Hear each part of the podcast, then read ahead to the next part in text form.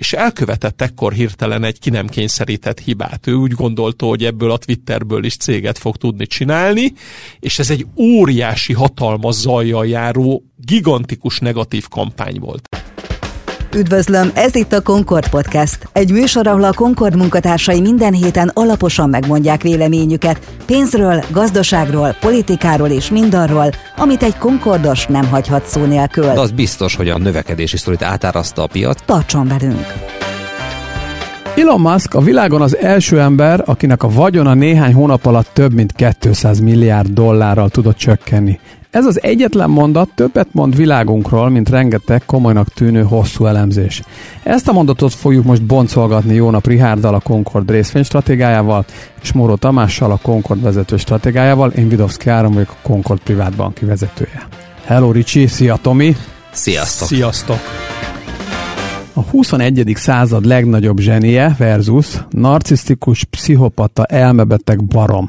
E két végpont között nagyjából minden jelzővel illették már a világban a Tesla, a SpaceX és a Starlink alapítóját Elon Muskot. A világ leggazdagabb emberei, amióta a világ a világ, mindig megosztó személyiségek voltak, hiszen ahhoz, hogy valaki pénzügyi értelemben is a csúcsra tudjon jutni, rengeteg emberen kell átgázolnia, de Elon Musk még ezt a megosztó szerepet is csúcsra tudta pörgetni. Most éppen rossz periódusban van, de lesz újra felívelése szerintetek? Hát nyilvánvalóan feltetted a millió dolláros kérdést, mert hogy ez, ez nem csak Elon Musk számára fontos, hanem mondjuk a befektetők szempontjából is egy nagyon érdekes kérdés. Hogy van az a közhelyes mondás, ami szerint a, a zseniket és az örülteket igazából nem választja egymástól semmi, és azt gondolom, hogy ez rá abszolút igaz. Egyszer látszik egy ilyen egy ilyen igazi víziógyáros jövőbe mutató látnok Elon Musk személyében, és egyszer látni egyébként egy ilyen kőkemény pénzügyi számításokat végző technokrata karakter, aki például pontosan látja azt, hogy ha a Fed nem csökkenti azonnal a kamatokat, akkor például a Tesla-nak komoly problémáit támadnak. Tehát nagyon nehéz ebből kihámozni a pontos valóságot, de egy tény, hogy a, a Tesla, ami azért Elon Musknak a meghatározó vagyoneleme a zászlós hajója, az jelen pillanatban komoly értékesítési falba ütközött, és ez nem azt jelenti, hogy teljesen le fog fékeződni, de nyilvánvalóan az a növekedési sztori, ami már ugye látszik, hogy elkezd olvadni, az mostanra teljesen megállt, úgy tűnik, és egy, nagyon érdekes, mert ugye azt olvastuk, hogy 40%-kal nőtt az értékesítés év per év alapon, de valójában, hogyha megnézzük az utolsó pár hétnek a számait, akkor már szinte lasszóval kellett fogni a vevőket, magyarul árazási árkedvezményeket kellett adni az autóvételhez, ahhoz, hogy fel lehessen tartani az értékesítési volumen. Tehát összefoglalva, a növekedési sztorit átárazzák a befektetőt, ez okozta ezt az óriási vagyonvesztést. Ez nem azt jelenti, hogy a cég is 180 fokos fordulatot vett volna, de mindenképpen a korábbi padlógázról hát legalábbis most már lefékezett és beállt egy ilyen normál sebességre. Nálam a nagyon nagy game changer ebben a történetben nem is maga az áprilisi bejelentése volt a Twitter felvásárlásnak, hanem ami az októberi átvétel óta történt, ami teljesen független nül is nézhető a Tesla árfolyamával, és nyilvánvaló, hogy itt az elektromos autó mánia is azért elért egy leszálló ágat a világban. A technológiai részvények nagyon komoly esésével, és ugye a, a, a kamatok emelkedésével egyidejűleg, de számomra most nézek egy kurzust, a világ egyik valahol volt legnagyobb kosárlabda edzőjével, Mike Krizsizsevszkivel, aki a Duke Egyetemnek 47 éven át volt a kosárlabda edzője, jelenleg 75 éves, most vonult vissza, és az egyetemi edzősége mellett háromszor vitte ki az NBA játékosokat az olimpiára, és nyerte meg az olimpiát 2008-ban, 12-ben és 16-ban, és ő azt a kérdést vizsgálgatta ebben a kurzusában, ami Machiavelli óta egy óriási kérdés, hogy egy lídernek, egy vezetőnek milyennek kell lennie. Szeressék a beosztottjai alatt valói, a befektetői, vagy féljenek tőle. Tehát, hogy szeretve kell lenni, vagy félve kell lenni tőle az embereknek, és ez az úriember, ez a kosárlabda edző azt válaszolta, hogy ő 75 évesen és közel fél évszázadnyi karrier után ezt a kérdést abszolút nem tudja eldönteni, viszont meg tudja mondani, hogy egy jó vezetőnek milyennek kell lenni, tisztelve kell lennie. És Elon Musknak szerintem 2022. októberéig ez a tisztelet mindenki részéről megvolt iránta, még néhány ilyen necces vagy gusztustalan története ellenére is, tehát hogy ő egy vizionárius, igazi vállalatvezető, a lehetetlenből lehetséges csinál, és a többi. Tehát ez a fajta tisztelet a nagy sortosok részéről is, akik a Teslán óriásiakat buktak korábban, bárki részéről megvolt, és szerintem azzal a fajta álmokfutással, amit októberben, novemberben a Twitter átvétel kapcsán láttunk, az történt meg a maszkal, hogy ez a fajta tisztelet is kiment mögüle. Tehát a Tesla részvényárában volt egy óriási prémium korábban, ami pont arról szólt, hogy ez egy részvényesi autokrácia, ahol nagyon jó a vezető, és ez a vezető permanensen teljesített, hihetetlen mért földköveket ért el, és elkövetett ekkor hirtelen egy ki nem kényszerített hibát. Ő úgy gondolta, hogy ebből a Twitterből is céget fog tudni csinálni, és ez egy óriási, hatalmas zajjal járó, gigantikus negatív kampány volt. Tehát gondoljunk bele, a Teslának korábban nem kellett hirdetnie. Ezt a céget elvitte marketingben Elon Musk, és az elmúlt három hónapban semmit nem láttunk mást, mint egy óriási Elon Musk negatív kampányt a Twitter kapcsán. Tehát szerintem ez a nagyon nagy változás, ha valaki a világon innen képes visszajönni, szerintem az Elon Musk, de ehhez toppolnia kell a Twitter történetet, és valamit újra kell alkotni, akár a SpaceX-el, akár a Teslával, hogy a híd újra megjöjjön belé, de ez, amit három hónap alatt elvesztett, lehet, hogy három év alatt fogja visszanyerni. Szerintem ez itt a fő kérdés. Igen, amit én láttam ebből az egészből, az az, hogy amúgy is 2022-ben egyébként nagyon nehéz idők jártak az technológiai részvényekre, egy unblock, és Elon Musk pont abban az időszakban fordított hátat Teslának, vagy hagyta ott egy picit a Tesla vezetését, amikor a legnagyobb szükség lett volna arra, hogy a teljes erejével vagy a koncentrációval erre a cégre fókuszáljon. Igen, hát azért mindenképpen, ha megnézzük a számokat, a Tesla részvények gyakorlatilag lefeleztek a negyedik negyed évben, miközben a Nasdaq 100 vagy a Nasdaq Index ennél jóval erősebben teljesített, az is csökkent persze tehát hogy milyen autó lett a Tesla. Azért azt látni kell, hogy a Twitter külüli zaj és az a Musk mítosznak a, a leomlása, ez egybeesett azzal, amikor az autópiacon is egy picit nehezebbé váltak a feltételek. Ennek vannak teljesen prózai okai, Kettőt mindenképpen érdemes kiemelni, az egyik az a verseny növekedése, tehát most már azért az elektromos autót vásárolni akarók tudnak választani egy termékportfólióból, nincsenek rászorulva arra, hogy a, a Tesla, ami a technológiai vezető szerepe az megkerülhetetlen. Tehát vannak már más jó autógyártók is, és hát nem akar mindenki mondjuk Teslával járni, bár ettől még egyébként az értékesítési volumen tényleg jól alakult a negyedik negyed évben is. A másik pedig az, hogy itt vannak az emelkedő kamatok világszerte, és ez pedig az autóvásárlókat arra kényszeríti, vagy készteti, hogy azért ne siessenek annyira az autóvásárlással. És hogy az autóipar az egy valójában egy nagyon nehéz biznisz, mert hogy magasak a fix költségek. Ha egy gyár beindul, akkor termelni kell ilyen nappal. Ha nincsen kihasználva a gyártó kapacitás, akkor pillanatok alatt át tud fordulni veszteségesbe egy, egy vállalat. Adott esetben el kell kezdeni diszkontálni, árengedményeket adni. És hogy mondtátok az előbb, a, a Tesla-nak soha nem kellett hirdetni ilyen. Na most Kínában a négy évben már, már erre sor került, tehát gyakorlatilag hirdették már az autókat, promóciót kellett csinálni, ami mindenképpen egy új helyzet.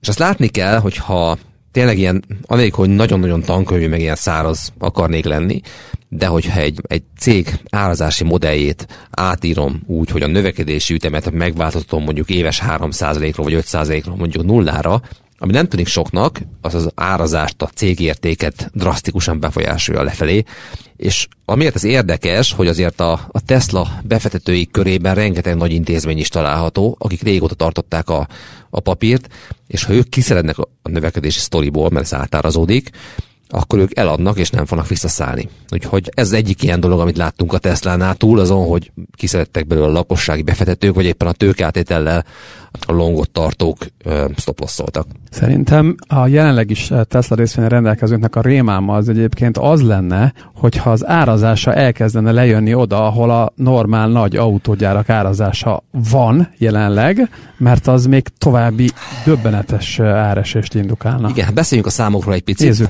gyakorlatilag, ha a Tesla részvény árfolyam ilyen 25-30 dollár környéken lenne, akkor érne annyit, mint amit mondjuk egy BMW vagy egy, vagy egy Mercedes, tehát amit egy ilyen prémium és nem túl óriási volumenben termelő autógyár ér jelenleg. Aztán, ha megnézzük azt, hogy mondjuk a Toyota motor mennyit ér, az 230 milliárd dolláros piaci értékű cég, a Tesla-nál 3,5 milliárd részvény van a higított darabszámmal számolva, mondjuk számoljunk 120 dollár, gyakorlatilag ez azt jelenti, hogy mondjuk 400 milliárdos market capről beszélünk, ami még mindig nagyon magas. Tehát, hogyha mondjuk elérne a Toyota szintjére a, a Tesla, a jóval kisebb volumen gyár, de mondjuk egy nagyobb növekedés innovatív sztori, akkor azt mondom, hogy talán a helyén az árfolyam, de hát ez, ez inkább a 70-80 dollár környéke lenne. Szóval sajnos a fundamentális kép az nem túl szívderítő, annak fényében, hogy úgy tűnik, hogy a növekedés lassul. Ugye mi lesz az új termékekkel? A nyerges mondható a, a Semitruck csúsznak. Tehát az a probléma, hogy a növekedési sztori, és bár Elon Musk egyébként mindig csúszott, bejelentett egy határidőt, és mindig két-három évvel később jöttek a termékek, de eddig ez nem volt gond, mert nem volt versenytárs, most úgy tűnik, hogy már van. Szóval igazából a fundamentális kép sem a legszerencsésebb. Most benne megfogalmazódik még egy kérdés, és azt szerintem tényleg nem fogjuk tudni megválaszolni, maximum picit beszélünk róla, hogy azt oké, okay, tudjuk, hogy Elon Musknak mindig nagyon fontos volt a Twitter, tulajdonképpen a Twittert használta, ő mint egyszemélyes marketing ügyosztály, a legnagyobb platform, legfontosabb platform volt számára. De miért ment bele ebbe a jelen pillanatban teljesen feleslegesnek tűnő kalandba a Twitter megvásárlásával, ahol egyébként minden ilyen típusú média terméknél akármit mondasz, a világban a híveit felét elveszted lényegében. Mi, miért volt erre szükség? Tavaly egyszer készítettünk egy ilyen podcastet arról, hogy a Mars utazás hogy valósulhat meg, és akkor megnéztünk, nem tudom mennyire emlékszel Áron, több ilyen kis filmet az Elon Muskról, és van fent az interneten egy 2008-as film, ahol szinte elsírja magát, hogy milyen problémái voltak, hogy a Teslával semmi nem működött, volt egy vállása, volt emellé az, hogy a SpaceX-nek az utolsó esély volt, hogy egy kilövés a sikerüljön, mert ha nem sikerül, akkor az egész élete bedől. És látszott az, hogy ő a hihetetlen mélységekből kaparta és szedte össze magát, és az idei év elejére eljutott oda, még két-három éve még felhőköltünk, amikor 1000 milliárd dollárt ért 2018-ban az Apple vagy az Amazon, és amikor a Forbes listán valakinek 100 milliárd dolláros vagyona volt. És ugye ez a 2020-21-es nagy jegybanki pénznyomtatásból származó extra megugrása a technológiai részvényeknek létrehozott egy olyan világot, ahol két-háromszáz milliárd dolláros magánvagyonok keletkeztek. Nekem még mindig a legdöbbenetesebb szám, hogy tavaly ez szerint a Bloomberg szám szerint többet bukott Elon Musk a 200 milliárd dollárral, mint amennyit 2021 olyan augusztus-szeptemberében az egész ExxonMobil olajvállalat ért. Tehát, hogy, hogy gyakorlatilag az már normális volt, ezt idézőjelbe teszem ezt a normálisat, hogy többet ért a Musk vagyona, vagy másfélszer annyit ért, mint a 2011-12-ben még a világ legértékesebb vállalatán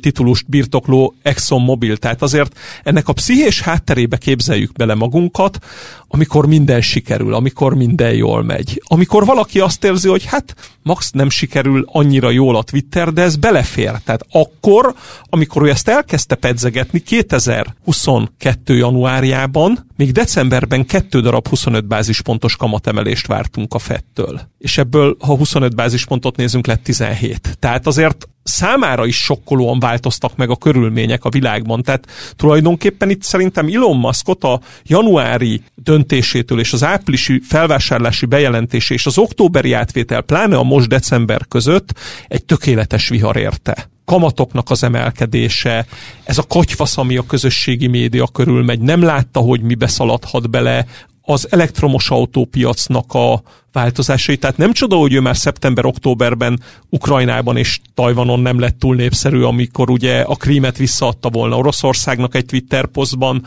Tajvant gyakorlatilag Kínának, a Fedet azonnali kamatcsökkentésre szólította föl. Tehát ez már egy vészcsengő volt, ami jelzett, azért ő ezt valószínűleg nagyon sok embernél sokkal jobban látja a világot, és érezte azt, hogy itt mekkora probléma van. Vagy most, amikor egy levéllel december utolsó hetébe jött ki, hajtotta még a Tesla dolgozóit, hogy minél több autót át kell adni, és ebből lett egy olyan szám, ami úgy, úgy nem tetszik a piacnak, és gondoljunk bele, hogy ebbe volt egy nagy hajrá. Tehát szerintem akkorát változott 2022 eleje és 2022 vége között a világ. Nem csoda, hogy ő már 2022 szín ezt nem akarta megvenni, de a jogászai megmondták neki, hogy nem tud ebből kilépni. Tehát szerintem ő ebből úgy menekült volna, vagy szállt volna ki egy fél évvel később, hogy az hihetetlen. Tehát én ezt látom, hogy ő is tévedett, mert bárki tévedhet, csak egy veretlen mérleg után egy ekkora magánvagyon összerakása és egy ekkora sikeres befektetői sztori, egy több milliós valódi követői kör, akik nagyon nagyot gazdagodtak ezen a Tesla történeten 2020-ban és 2021-ben, Ezután egy ilyen fordulat azért mindig sokkoló. Ami szerintem fontos, azért azt látni kell, tehát miatt teljesen eltemetnénk ezt a céget, és az árfolyam az egy dolog, mert simán eshet még, az előbb beszéltünk is erről, de azért a Teslának a, a pénzügyi helyzet az teljesen más, mint amilyen volt mondjuk három-négy évvel ezelőtt, amikor ugye arról is beszélt, hogy ilyen áprilisi viccesnek tekintett posztban, hogy hát a Tesla az csődben is lehet. Szóval, hogy van egy nettó 20 milliárd dollárnyi készpénz, egy, egy erősen pozitív cashflow, tehát az a veszély nem fenyeget, hogy ez a cég belálljon a földbe. Ráadásul Muskról tudjuk, akár csak a Twitter, hát nem is tizedeisnek nevezném, hanem az alkalmazottak ugye háromnyedét elbocsátotta. Tehát, hogy arról van szó, Musk egy kőkemény kapitalista menedzser, aki levágja a költségeket, ahol csak lehet. Magyarul az a veszély nem fenyeget, hogy ez a cég ez olyan problémákba ütközön, mint amilyenbe rott esetben a csődejeles felé menő egyes amerikai vállalatok, szóval nem kell félni attól, hogy ez a cég az eltűnik, vagy hogy csődne megy, de az biztos, hogy a növekedési sztorit átáraszta a piac, és igen, hogy Ricsi mondta, tehát 2022. decemberére 0,76-os amerikai alapkamatot árazott a piac. Hol fejeztük be? Hát 4,5 százalékon azért az teljesen más makrokörnyezet. Ami szerintem itt ebben a makrokörnyezetben még probléma a Tesla részvényekre vonatkozóan, alapból is Twitter nélkül is, hogy és ezt már senki nem merte kimondani, mert aki ezt kimondta, az ment a tőkepiaci kukoricán térdepelők közé, és a büntetőpadra, és a hülyék gyülekezetek közé, aki azt mondta, hogy ez a Tesla már hova megy, meg túlértékelt, meg drága, de utólag, és elnézést minden hallgatótól ezért az utólagos okoskodásért, azért látszott az, hogy a mostani részvényárakkal már valahol a 200 és 400 dollár közötti ár, azaz a 600 és 1200 milliárd dolláros piaci kapitalizáció között, vagy még több, akár 700 és 1300 milliárd dolláros piaci kapitalizáció között, ez már egy értékeltségi buborék volt minden körülmények között. Csak ezeket az értékeltségi buborékokat a nullkamatos piac nem pukkantotta ki, nem durantotta ki. Nem csoda, hogyha megnézzük, ugye gyakorlatilag kéz a kézben ment a tavalyi évben a két Nasdaq index, a Composite és a Nasdaq 100 33-33 százalékot estek, míg a TLT nevű amerikai hosszú 20 plusz éves kötvény ETF 31 százalékot. Tehát ez egy kamat növekedés által kipukkantott értékelési buborékról beszélünk alapban, és itt nekem van egy nagyon hasonló sztorim egyébként, a Cisco. Tehát szinte ugyanaz zajlott le a Teslával az elmúlt két és fél-három évben, mint ami a 98 és 2001 között a Cisco-val. A Cisco akkor is egy teljesen új dolog volt a hálózati eszközgyártók, az internet, az első nagy technológiai buborék, ugye, ami a 90-es évek második felében hízott, hízott, hízott, aztán óriásira növekedett 98 végén, 99-ben és 2000 elején, és itt a Cisco volt az, ami az orosz válság mélypontjáról úgy nyolcszorozott, kilencszerezett részvényárfolyamban, nagyon-nagyon gyorsan, tehát ez 17 hónap alatt. Ugye a Tesla is a Covid-nak a mélypontjáról, aminek az árfolyama volt valahol 26-27 dolláron a mostani kétszeri részvényfelaprózással, visszakalkulálva 400 dollár fölé emelkedett, tehát 15-szörözött az árfolyama. És ugye ez egy lakossági mániát gerjesztett, a Tesla messze a legnépszerűbb részvény lett az USA-ban részvényforgalom, ugye a piaci kapitalizációban nem tudott az Apple-lel, a Microsoft-tal, illetve adott pillanatban az Alphabettel versenyezni, de nagyon-nagyon feljött, és nagyon-nagyon ott volt, és ugye ez volt a legnépszerűbb papír, ez volt a befektetőknek az első számú papírja, és gyakorlatilag ugyanezt történt a Cisco-val is a 2000-es évben. Tehát amikor a részvényárfolyam fölment a sokszorosára, és utána leesett a felére, akkor boldog-boldogtalan elkezdte vásárolni, mert ugye a befektetők sokszor érzékelik azt a világban, hogy ez fölment nagyon, népszerű volt, óriási pénzt lehetett keresni rajta, hát ha leesett a felére, akkor itt jó lesz, féláron megvesszük. De ugye amikor leeresztik az értékeltségi buborékot, kieresztik a levegőt ezekből a, a lufbalmokból, akkor az 50 százalék az nagyon sokszor az csak a kezdő mozgása ennek a dolognak, és onnan jön még a 60, a 70, akár a 80 is. Tehát a nagyon nagy probléma az az jelen pillanatban a Teslával, hogy a világtörténelemben azért nem igazán láttunk olyat, hogy volt egy értékeltségi buborék, azt leeresztik, majd azt újra fújják, azt az értékeltségi buborékot. Tehát itt a Teslában a fundamentumok alapján nincs már még egy akkora növekedési sztori, ami a fundamentumokban ugye megvolt mondjuk 18 és 2022 között.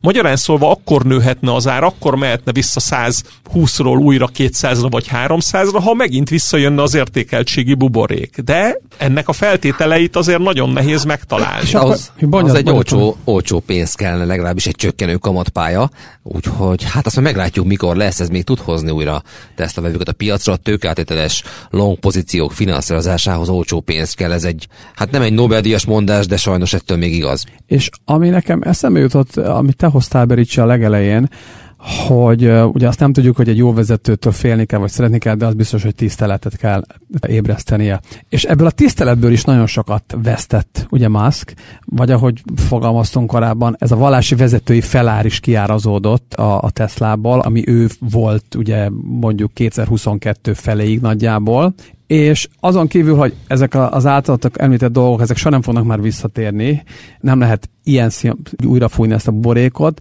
de vajon Elon Musk vissza fogja nyerni azt a tiszteletet, vagy legalábbis annak egy jelentős részét, amivel rendelkezett mondjuk fél évvel ezelőttig bezárólag? Ez egy érdekes kérdés, mert szerintem egy, egy dolgot mindenképpen be kell hozni még a beszélgetésbe, ami, ami nagyon fontos, az Elon Musk politikai szerepvállása.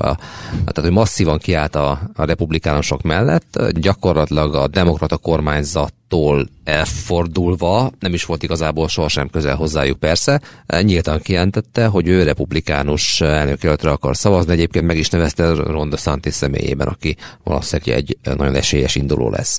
És az a fajta politikai szerepvállás pont abban a közönségben, egyébként Amerikáról beszélve, pont abban a közönségben okozott megütközést, aki Musk legnagyobb támogatója, baloldali, liberális, demokrata, zöld, érzékeny vásárlói réteg. Nagyon érdekes, ezt nem jól lehetett olvasni, de ahogy én nézem a, mondjuk a németországi twitteres véleményvezéreket, akik nagy Musk voltak, ők nem változtak tovább, és Teslát vesznek. December 30-én az egyikük éppen átvette a Tesláját, és nagyon büszkén mutatta, hogy hát igen, megkaptam az autómat. Van rajta egy-két műszaki probléma, meg nem illeszkednek jól az ajtók, de egyébként rendben van, minden szuper.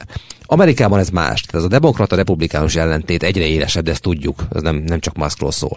Tehát igazából én azt gondolom, hogy Musk számára az lenne egy pozitívum, hogyha mondjuk a, legalábbis a politikai hátszél meg lenne, mert most mi a probléma? A demokrata vásárlók egy része elfordul, és egyébként politikai támogatást sem kap a Tesla. Egy pár példa erre van az új ugye, infláció csökkentési törvény, elég furcsa neve van, de mindegy, a lényege az, hogy van benne egy olyan paragrafus, ami az elektromos autógyártóknak nyújtandó állami támogatásról szól, illetve a vásárlóknak adnak 7500 dolláros kedvezményt. Ez a Tesla legtöbb modelljére nem érvényes, nem esik bele különböző okok miatt. Már nagyon lobbizott azért, hogy ő is kaphasson ilyeneket. Ez egyik dolog. Aztán amikor ja, láttuk még a tavalyi év folyamán, amikor Joe Biden egy Ford F-150-es Lightning ilyen elektromos pickupot vezetett, ami egyébként rendkívül népszerű. Joe Biden soha nem vezetett Teslát. Amikor volt egy elektromos autógyártókkal tartott konferencia Fehérházban, egy valaki nem hívtak meg rá, a Teslát. Nagyon bizarr nem, hogy a legnagyobb, lesikeresebb elektromos autógyártó nem vett részt ezen, mert hogy Joe Biden és Musk között van egy, egy nagyon komoly személyes ellentét is, amiben nem a karakterből fakadóan, hanem hát olyan kérdésekről beszéltünk itt, mint hogy Musk gyűlöli a szakszervezeteket, Joe Biden elkötelezett híve ezeknek. Tehát vannak ilyen politikai ütközőpontok, de a lényeg az, vagy a, a végeredmény az, hogy a demokrata adminisztráció és Musk között semmilyen pozitív kapcsolat nincsen, sőt, gyakorlatilag egy, egy ellenséges viszonynak mondanám. Magyarul Musk azért dolgozik és kommunikál, hogy 2024-ben egy republikánus elnök kerüljön majd a választók akaratából, illetve 25 elején a Fehérházba nekem is az a véleményem, hogy ez a fajta politikai szerepvállalás azzal az értékeltségi buborékkal, ami fennállt a Teslánál, egy nagyon kockázatos vállalkozás volt. Tehát a Twitter átvétel mellé ezek a nyilatkozatok nagyon kockázatosak, és talán nem ártott volna a világ egyik hasonlóan nagy szélszmenjéhez elmenni egy kis tanfolyamra az Elon Musknak, ez pedig nem más, mint Michael Jordan. Michael Jordanről van egy legendás sztori 1989-ből, amikor ő már feltörekvő nagy sztár volt, még nem nyerte meg az első bajnoki címét az NBA-vel, de már hatalmas sztár volt ugye a Nike cipőknek az értékesítésével, ami 84-ben indult el a Jordan szerződésével. Emlékezhetünk, 3 millió dollárt várt a Nike az első évre, és két hónap alatt jött 126 millió dollár. Tehát, hogy gyakorlatilag a Jordan úgy robbantotta be a szélsz részét egy másik dolognak, de egy népszerű dolognak, hogy az hihetetlen, és egy afroamerikai szenátor indult volna Észak-Karolinában, valamilyen pozícióért, nem tudom, hogy a szenátusi választás volt, vagy kongresszus, tehát valamilyen komolyabb amerikai választáson, és ő nagyon lobbizott azért, hogy a Jordan álljon be mögé, és segítse a kampányát, és a Jordannek volt egy mondata, ami miatt nagyon nem szerették akkoriban, hogy a republikánusok is vesznek cipőt. Tehát lehetséges, hogy egy kicsit fordítva az Elon Musknak végig kellett volna gondolni, hogy nem az a helyzet, hogy a demokraták is vesznek elektromos autót, hanem hogy elsősorban a demokraták vesznek elektromos autót. Tehát ha egy kicsit a Michael Jordannek a tanácsát megfogadta volna, és egyébként félelmetes a Michael Jordan, hogy ő, ő mennyire másképp gondolja ezt. Tehát azóta például a LeBron James nagyon-nagyon sok ügybe beleáll, túlzottan is beleáll, és a népszerűsége, az ő legitimációja a kosárlabdában talán sokszor emiatt nem tud a közelébe se felérni a Michael Jordanének. Tehát Jordan, ő egy olyan értékesítő, akinek ha van száz potenciális vásárlója, akkor ő nem szeretne abból egyet sem megsérteni olyan dologgal, ami visszás lehet a számára. És gondoljunk bele, azért 89-ben nem volt ilyen polarizált a világ az amerikai politikába. Tehát nem volt közösségi média, tehát ez ma egy sokkal veszélyesebb vállalkozás, talán már a mostani számukból is valahol egy picikét látszik. Igen, az egész nagyon furcsa egyébként, meg gondoljátok végig, Elon Musk ott van a, a világ legsikeresebb üzletembere, és egész egyszerűen minden bejön neki tavalyig, és utána elköveti az első hibát, amire rengeteg példát lehetett látni korábban, amit eddig nagyon jól használt korábban social media céget, vesz egy social media céget, óriási hiba majd még ez sem elég neki, kettő, elképesztő éles politikai szerepvállalásokat kezd fölvállalni. Ami nekem érdekes ezzel kapcsolatban, bocs, hogy így közövágok, hogy hogy az első pár ilyen eset után nem állt le hanem ezek a mai napig folytatódnak. Tehát tulajdonképpen ezek a, ezek a politikai kiállások, ezek, ezek nem szüntek meg, annak ellenére, hogy ennek valószínűleg van egy negatív hatás az értékesítésre. És emögött én azt gondolom, hogy egyfajta ilyen jellembeli vagy karakterbeli probléma van. Tehát amikor így az ember vagy fontos annak érzi kimondani azt, ami a, a szívéből jön, miközben üzletileg ez már nem, nem a legszerencsésebb dolog. Hát igen, azt gondolom, hogy ebből van némi visszaút, de hát ez egy komoly, hát a komoly PR csapatokat szoktak felfogadni.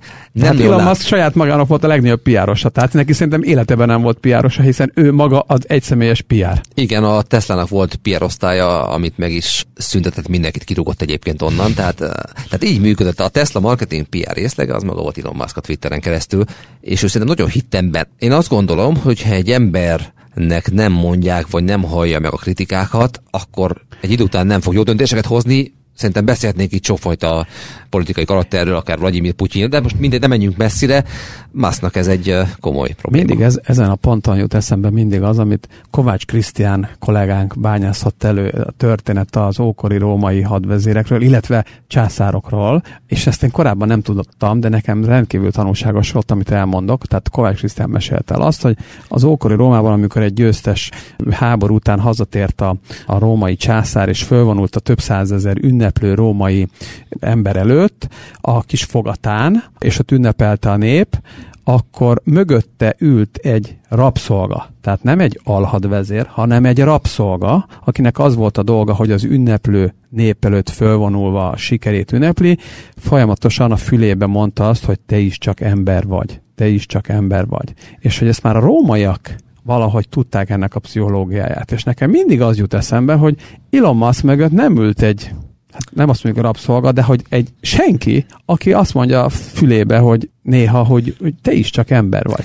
Hát vagy ült ilyen mellette, csak nem hallotta meg, vagy nem akarta meghalni. Ugye nem tudjuk pontosan mi jár a felébe, és érdemes visszacsatolni arra, hogy hogy ugye azért tényleg a, a zsenik és az őrültek között, hogy az előbb is mondtuk, azért nagyon vékony a határvonal, tehát hogy egész egyszerűen van olyan, amikor így a realitás érzéket talán egy picit elveszíted, nem, nem igazán méret felel a súlyát a különböző lépéseidnek. Nekem ez azért érdekes, annélkül, hogy ismételni akarnám magamat, hogy egyébként Elon Musk egy kőkemény számító menedzser, aki az utolsó centig levágja a költséget, hogyha kell, racionalizál, keményen tárgyal, tehát hogy megvannak benne ezek a nagyon jó menedzseri képességek, és akkor a másik oldalon pedig ilyen számunkra fölöslegesnek tűnő beleállásokon keresztül komoly kárt okoz a Tesla értékesítésének. Szerintem neki hiányzik egy dolog az életébe, ez, ez csak az én fikcióm. Ugye ő Dél-Afrikában született, és az Egyesült Államok elnöke csak olyan 35 évet betöltött személy lehet, aki az Egyesült Államok területén született. Tehát neki a 300 milliárd dolláros vagyon után egy pozíció maradt volna, ahova még ő mehetett volna előre, és szerintem nem hiszem, hogy valahol kicsit benne ne lett volna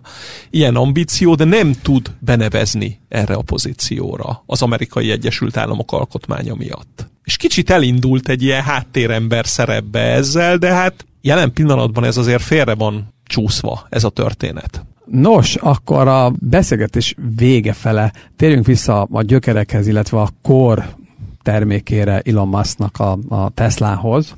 Mi lehet a Teslával idén, 2023-ban? Hát van egy pár paraméter, ami nagyon fontos lesz, ezeket persze pontosan nem látjuk még előre. Az egyik az a globális kamatszint alakulása, ez általában véve az autó piac alakulására nézve nagyon fontos, és ugye ezen belül az a kérdés, hogy a Tesla milyen piaci pozíciót tud elérni, vagy éppen megtartani. Sajnos a kínai verseny az nő, és a kínai gyártók egyre jobbak, tehát onnan nézve azért látszik egy veszélyforrás. Ugyanakkor a Tesla termékei azért legalábbis a hajtásláncot tekintve rendkívül innovatívak és egyébként hatékonyabbak, mint a többi gyártói. Tehát az, nem gondolom, hogy a Tesla drasztikusan, nem is nominálisan nézve csökken az értékesítés, de mindenképpen a piaci részesedése az, az csökkenni fog. Az egy érdekes kérdés, hogy mi lesz az új termékekkel. Tehát például a Cybertruckkal, ami egy régóta ígért termék, sajnos most már van piacon lévő versenytárs, a Fordnak a pickupja, tehát itt nem sikerült a piaci elsőséget megszerezni. Szóval, hogy akkor a kérdések az, az, hogy mi lesz a kamatokkal, mi lesz az autópiacsal, mi lesz a kínai verseny. Ez azért nagyon fontos, mert a kínai piacról származik a, a Tesla profitjának nagyjából a 40-45 százaléka, és az értékesítésnek is egy hasonló szintje, és mi lesz a termékekkel. És mondjuk mi lesz még a politikai szerepvállással, hogyha lejjebb tekeri a hangerőt, az szerintem pozitív lenne. Hát meglátjuk, hogy ebben lesz a változás. Nagyon sok a változó, ezzel szemben az árazás az még ugye viszonylag magas, erről beszéltünk még a, a beszélgetés elején. Összességében szerintem egy volatilis év lesz, ahol én bevallom őszintén, és majd lehet, hogy számon kérik rajtam ezt az év végén, hogy azért innen ilyen jelentős árfolyam visszapattanásra nem számítok, kivéve, hogyha a Fed egy látványos kamatpolitikai fordulatot hajtana végre. Így Tomi után ő a Tesla szempontjából közelítette meg ezt az egészet. Én Elon Muskban gondolkozva én azt várom, hogy lehet, hogy ehhez hosszú idő kell még neki, de szerintem valahol ki fog táncolni ebből a twitteres történetből. Valahol a Tesla rá fog állni egy másik stádiumra, tehát gyakorlatilag nem lesz már egy olyan extravagáns, újdonságot jelentő történet. Én 5-10 év múlva Elon Muskot már nagyon a SpaceX ben látom, mint annak az első. Tehát szerintem az lesz az ő első számú sztoria, mert az fogja őt vonzani. Tehát az lesz megint az új történet, az lesz megint a varázslat, és lehetséges, hogy az lesz a, a következő bikapiacnak az egyik ilyen nagy története, hogy az űrkutatás, az űr, a naprendszernek a meghódítása, és elindulunk egy ilyen irányba, és szerintem, ha ez lesz, akkor őt ez fogja vonzani. És hogyha már amerikai elnök nem lehet, akkor az tényleg egy teljesen álló nagy feladat. Tehát az, ez egy tényleg egy igazi kihívás számára. Lehet lehetnek ilyen katalizátorok az árfolyamban. Ilyen az a, a Twitterből történő bármilyen stop loss lenne, tehát mondjuk elengedni ezt a sztorit. Ennek lehetnek különböző módozatai, restruktúrálás, stb. A lényeg az, hogy ha Twittertől hátrébb lép be, mondjuk talán a Twitterért egy, egy vezérigazgatót, annak valószínűleg örülne a piac, legalábbis átmenetileg, illetve ami egy másik fontos kérdés, hogy ha a Tesla ére kerülne egy menedzser, talán egy analógia lehet az, amikor persze másokból, de az Apple téren tört egy változás, és Steve Jobs uh, ugye elhunyt, Jöhet egy Tim Cook, akit egy sótlan, egy karizmatikusságtól abszolút távol álló embernek tartottak, és az Apple árfolyama elszállt. Ő egy igazi, jó operatív menedzser volt, aki a beszállítókat taposta végig, amikor ezt a pozíciót töltötte be, kihegyezte a marginokat, magasabb árésű termékek felé tolt el a céget. Nem volt egy látványos a Tim Cook korszak, de az Apple profitjára és árfolyamára nagyon jó hatással volt. Csak ne haragudj, hogy azt mondom, Tomi, és ez egy kicsit morbid lesz, csak Tim Cook sikeréhez az is kellett, hogy Steve Jobs már ne éljen. És e, ugye én tényleg nagyon sok sikert kívánok annak a menedzsernek, aki egy Elon Musk alatt, vagy tulajdonlását, vagy a Twittert, vagy a Teslát bármilyen pozícióban vezetni is megkísérli. Ebben teljesen igazad van, borzasztó nehéz, mert ő állandóan bele akarna szólni. Tehát azért nem gondolom, hogy ő a saját gyerekét elengedné, és csak tulajdonos akarna maradni. Tehát igazad van. Én azt mondanám, ez egy angol kifejezés, ez egy long shot, tehát hogy ez nem egy ilyen de valószínűleg ez nem tenne rosszat egyébként a Teslának, mert az is elért az innovációban arra a stádiumról, hogy nagyjából megvan az a pálya, és lehet, hogy ide most tényleg egy sótlanabb ember kellene, mert itt már a tömegértékesítésnek a világába jutottunk el, nem pedig az újdonságnak a varázsában vagyunk. Igen, tök jó. Ha egyetértek, Elon Musknak kéne felismerni ezt. Hát, vagy neki Belátnia. visszalépni abba a pozícióba, ahol volt mondjuk két évvel ezelőtt, igen. Na, hát ez egy első osztályú dél-afrikai szappanopera, a legjobb típusú, és mi imádjuk ezeket. Hát rengeteg tőkepiaci vonatkozása van egy elképesztő fickóval, úgyhogy egész biztos vagyok benne, hogy néhány hónapon belül ugyanígy folytatjuk, de akkor már a köszi Ricsi, köszi Tomi. Köszi minden. Köszönöm. Akinek tetszett ez a beszélgetés, azt kérjük, hogy iratkozzatok fel a Concord Podcast nevű YouTube csatornánkra, illetve a Concord Podcast nevű Apple Podcast, Spotify és Google Podcast csatornánkra, és írásos tartalmainkat pedig olvassátok a concordblog.hu-n.